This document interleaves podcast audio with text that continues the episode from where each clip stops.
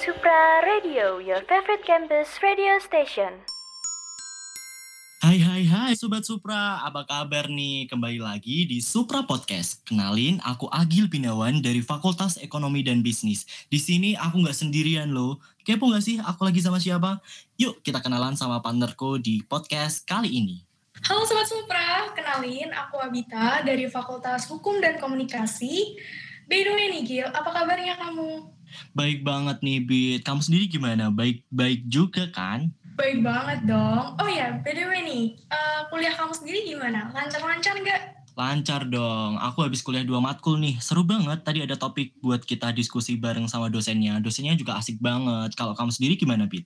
Kalau aku sendiri, Gil, um, karena masih di semester 1 ya, jadi kayak masih bener-bener hektik banget tapi selama ini aku masih enjoy banget kok. By the way nih Gil, di podcast kali ini kita mau bahas tentang apa? Wah, kita mau bahas sesuatu yang lagi di, banyak diomongin para mahasiswa nih Bita. Lain dan tak bukan perkuliahan hybrid. FYI nih ya Sobat Supra, meskipun saat ini level PPKM di Semarang sudah mencapai level 1, kita harus tetap jaga protokol kesehatan loh agar nggak ada lonjakan angka COVID yang signifikan gara-gara kita nggak patuh tuh sama protokol kesehatan. Kita sendiri kan yang rugi nantinya. Iya, bener banget tuh Gil. Aku setuju banget sama Agil. So, Sobat Supra di mana pun dan kapan pun tetap harus menjaga protokol kesehatan ya. Yap, menjaga prokes kapan pun di mana pun. Nah, aku kasih tahu lagi nih Pit dan juga Sobat Supra. Bersamaan dengan turunnya level PPKM di Semarang, akhirnya Unika Sugio Pranoto memberanikan diri untuk mengadain perkuliahan tatap muka secara hybrid loh. Untuk itu, aku mau bahas mengenai perkuliahan online dan offline nih. Oke, berarti di podcast kali ini kita mau membahas mengenai perkuliahan online dan offline ya. Um, gimana kalau kita buka dengan berbagi, berbagi cerita dan pengalaman-pengalaman seputar perkuliahan online? Dimulai dari kamu nih Gil, kamu sendiri punya pengalaman menarik gak sih selama perkuliahan online ini? Wah tentunya ada dong, aku punya pengalaman menarik banget nih selama kuliah online. Jujur nih ya aku tuh udah capek banget sama kuliah online. Bosen banget gak sih? Kita tuh nggak bisa interaksi langsung sama dosen, sama teman-teman juga. Jadi berasa kurang dapat gitu feeling kuliahnya. Berjam-jam di depan laptop juga capek banget. Apalagi ditambah sinyal hilang-hilangan waktu kuliah. Waktu ditanyain dosen malah reconnect. Kesalin banget gak sih? Iya bener banget Gil, asli sinyal tuh udah kayak hal paling esensial selama perkuliahan online gitu. Istilahnya tuh ya Gil, hidup dan matinya perkuliahan online tuh ada di tangan sinyal Tahu nggak sih, aku juga pernah punya pengalaman kurang menyenangkan mengenai sinyal nih. Jadi waktu itu aku pernah ujian bahasa Inggris kan, terus tiba-tiba sinyalku hilang Gil selama 24 menit. Bayangin, 24 menit tanpa sinyal Gil, panik banget. Bener banget Bit, sinyal tuh ya bisa bikin kita overthinking tau Bit aku harus mikirin gimana caranya kuliah dengan tenang. Kayak ada ketakutan gitu loh, takut reconnecting juga. Harus ribut router wifi lah, ganti device lah. Bahkan nih ya Bit, aku tuh harus sampai keluar rumah loh buat nyari sinyal. Mau nggak mau harus pakai kuota pribadi deh buat kuliah online.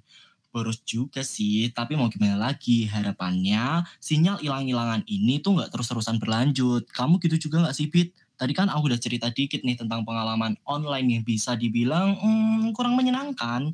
Kalau kamu, Bit, ada pengalaman lain selama perkuliahan online? Pengalaman menyenangkan gitu? Aku ada banget dong, Gil. Tapi sebentar, aku mau apresiasi ke kamu dulu nih.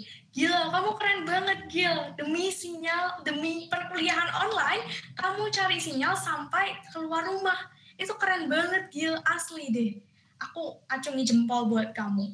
Nah, kalau dari aku sendiri nih, aku juga punya cerita-cerita pengalaman selama kuliah online juga nih. Salah satunya, kalau dari aku sendiri, aku merasa lebih nyaman untuk berkuliah secara online nih. Kenapa? Karena belajarnya lebih fleksibel gitu, Gil. Kayak aku bisa ngelakuin banyak hal dalam satu waktu, terus aku juga bisa ikut organisasi yang beda kampus. Tapi nih, di sisi lain, aku perlu akuin kalau misal aku kangen sama teman-teman offline aku. Wait, wait. Tadi kamu bilang teman-teman offline. Emang kenapa sih sama teman-teman online kamu? Sebenarnya nggak ada apa-apa kok di antara teman-teman offline dan online aku. Cuman kayak awkward gak sih Gil? Misal nih, aku mau kenalan sama teman baru, tapi karena online jadi awkward kan? Di sisi lain, kalau aku gak kenalan, eh nanti gak punya teman. Jadi kayak serba salah gitu Gil. Feel-nya tuh beda gitu loh. Oh gitu ya. Kalau kamu sendiri gimana nih relasi? Kamu ada punya relasi banyak relasi nggak sih kalau sama sama teman-teman online tuh? Oh iya, aku relasinya lumayan deket sih, walaupun agak awkward, tapi lumayan deket lah antara teman-teman online aku. By the way nih, kalau kamu sendiri Gil, kira-kira relasi teman-teman online kamu kayak gimana nih? Wah, aku ada banyak teman-teman SMA nih yang masuk sama-sama di Unika, kayak di Fakultas Psikologi, Fakultas Ekonomi dan Bisnis, Fakultas Hukum dan Komunikasi. Hmm, masih banyak lagi loh. Gak nyangka, Bit, kita tuh yang tadinya di SMA teman jauh dan belum kenal deket, bisa saling mengenal di satu jurusan yang sama. Wah, seru banget gak sih kalau kayak gitu? Iya sih, aku juga. Jadi waktu SMA itu, aku punya satu teman dekat, dan dia tuh satu kelas sama aku, sama-sama anak MIPA, dan kita beda jurusan sih, tapi satu gedung di psikologi nih dia, dan aku di fakultas hukum, gitu Gil. Wah, ternyata bisa kumpul lagi di satu tempat yang sama ya, di Unika Sugio Pranoto. Kita bisa nostalgiaan bareng, cerita-cerita, bahkan curhat susah senangnya perkuliahan online. Iya, aku setuju banget tuh. Kayak nostalgia sama teman-teman SMA tuh menyenangkan banget, Gil. Tapi Gil, tadinya ya aku berharap bisa nostalgia bareng teman-teman di lingkungan Unika. Sayang eh sayang, gara-gara COVID kita harus terpisah, Gil. Ingat gak sih, dulu waktu kita SMA kelas 3, ada pengumuman nih. Dari sekolah aku, pengumumannya adalah dua minggu libur gara-gara COVID-19.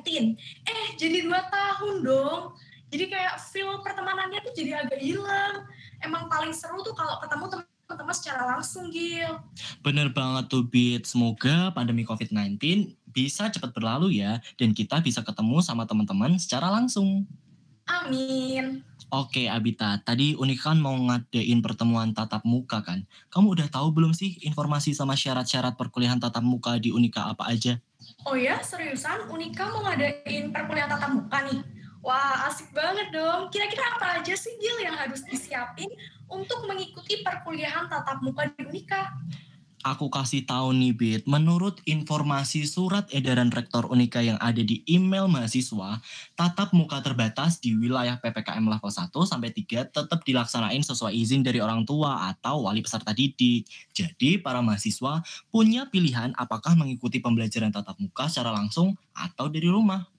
Oh gitu. Bentar, aku pastiin ya. Berarti wajib dari wilayah PPKM level 1 sampai 3 ya, Gil. Ada lagi nggak selain itu? Bener banget tuh. Kita harus ada izin dari orang tua yang ada di wilayah PPKM level 1 sampai 3 untuk memilih antara mengikuti PTM terbatas atau pembelajaran secara online itu, Bit. Oke, gitu ya. Gil, Gil, uh, berarti cuma izin dari orang tua aja kan? Nggak perlu syarat-syarat lain kan, Gil? Wah yang enggak dong, ada syarat yang harus kita penuhi saat mengikuti PTM terbatas yang udah ditetapin sama Unika. Yang pertama nih Bit, kita harus udah vaksin COVID-19 minimal dua kali. Vaksin COVID-19 apa pun jenisnya diperbolehkan kok. Kemudian disarankan yang akan mengikuti PTM Unika adalah mahasiswa yang tinggal di wilayah sekitar Semarang.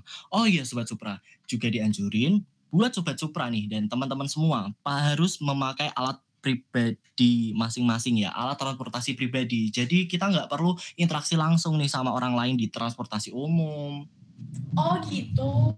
Ternyata gampang ya Gil cara-cara untuk mengikuti perkuliahan secara offline. Um, gini Gil, kalau dari aku sendiri, aku kan udah ikut vaksin nih. Aku udah punya surat vaksin, dan aku udah minta persetujuan dari orang tua juga apakah aku perlu mengumpulkan berkas-berkas itu kayak surat vaksinku atau mungkin tanda tangan persetujuan dari orang tua? Iya dong pastinya harus upload berkas gitu. Untuk Abita dan Sobat Supra nih yang akan mengikuti PTM terbatas, kalian bisa upload surat vaksin dan surat pernyataan orang tua di Sintak Unika pada kolom upload vaksin yang warnanya merah. Eh catching banget deh kalau misal teman-teman udah buka Sintak, pasti langsung nyadar itu di mana.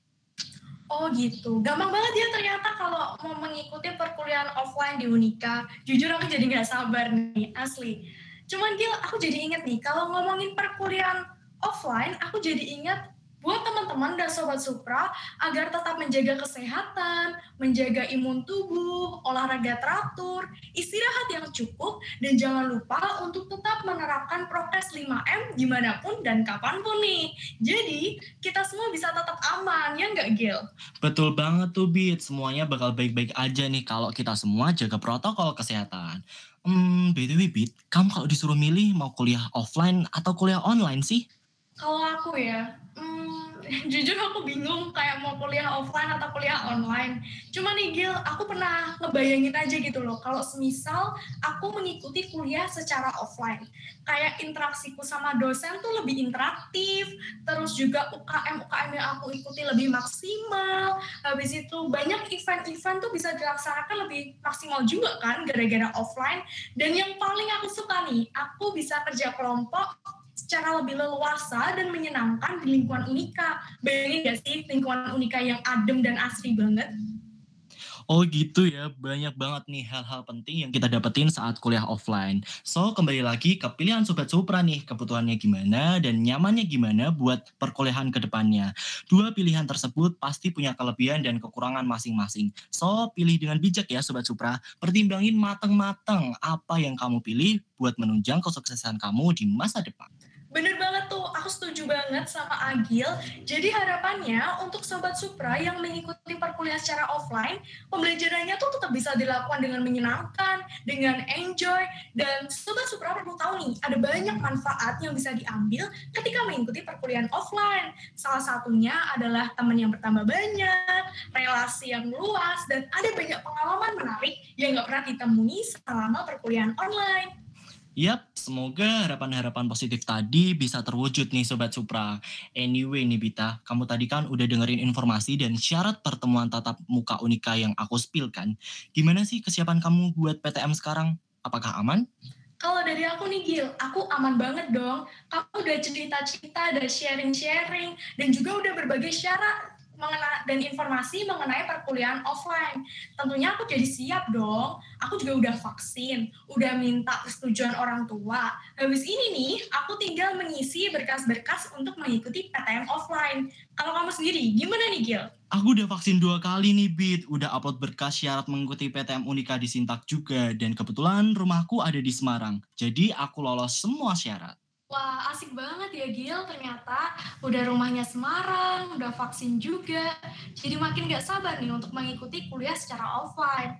Oh ya, ngomongin perkuliahan secara offline, aku jadi ingat nih Gil, selain berkas-berkas dan juga kesehatan, kita juga harus mempersiapkan mental loh Gil. Kan udah dua tahun nih, kita jarang bersosialisasi dengan orang. Jadinya kita butuh mempersiapkan diri lebih dalam lagi nih untuk bertemu dengan orang-orang baru, khususnya dosen-dosen yang ada di Unika. Wah bener banget tuh Bit, mental juga jadi hal yang paling penting untuk disiapin buat kuliah offline. Hmm oke okay deh Bita, sampai sini dulu podcast kali ini. Nggak kerasa kita udah nemenin Sobat Supra semua buat bincang-bincang masalah perkuliahan online dan perkuliahan offline. Yap, bener banget tuh. Tadi udah ada berbagai pengalaman menarik selama perkuliahan online. Terus juga udah ada informasi-informasi untuk mengikuti perkuliahan offline. Jadi nih, semoga Sobat Supra bisa mendapat banyak insight baru dari obrolan kita kali ini ya, Gil.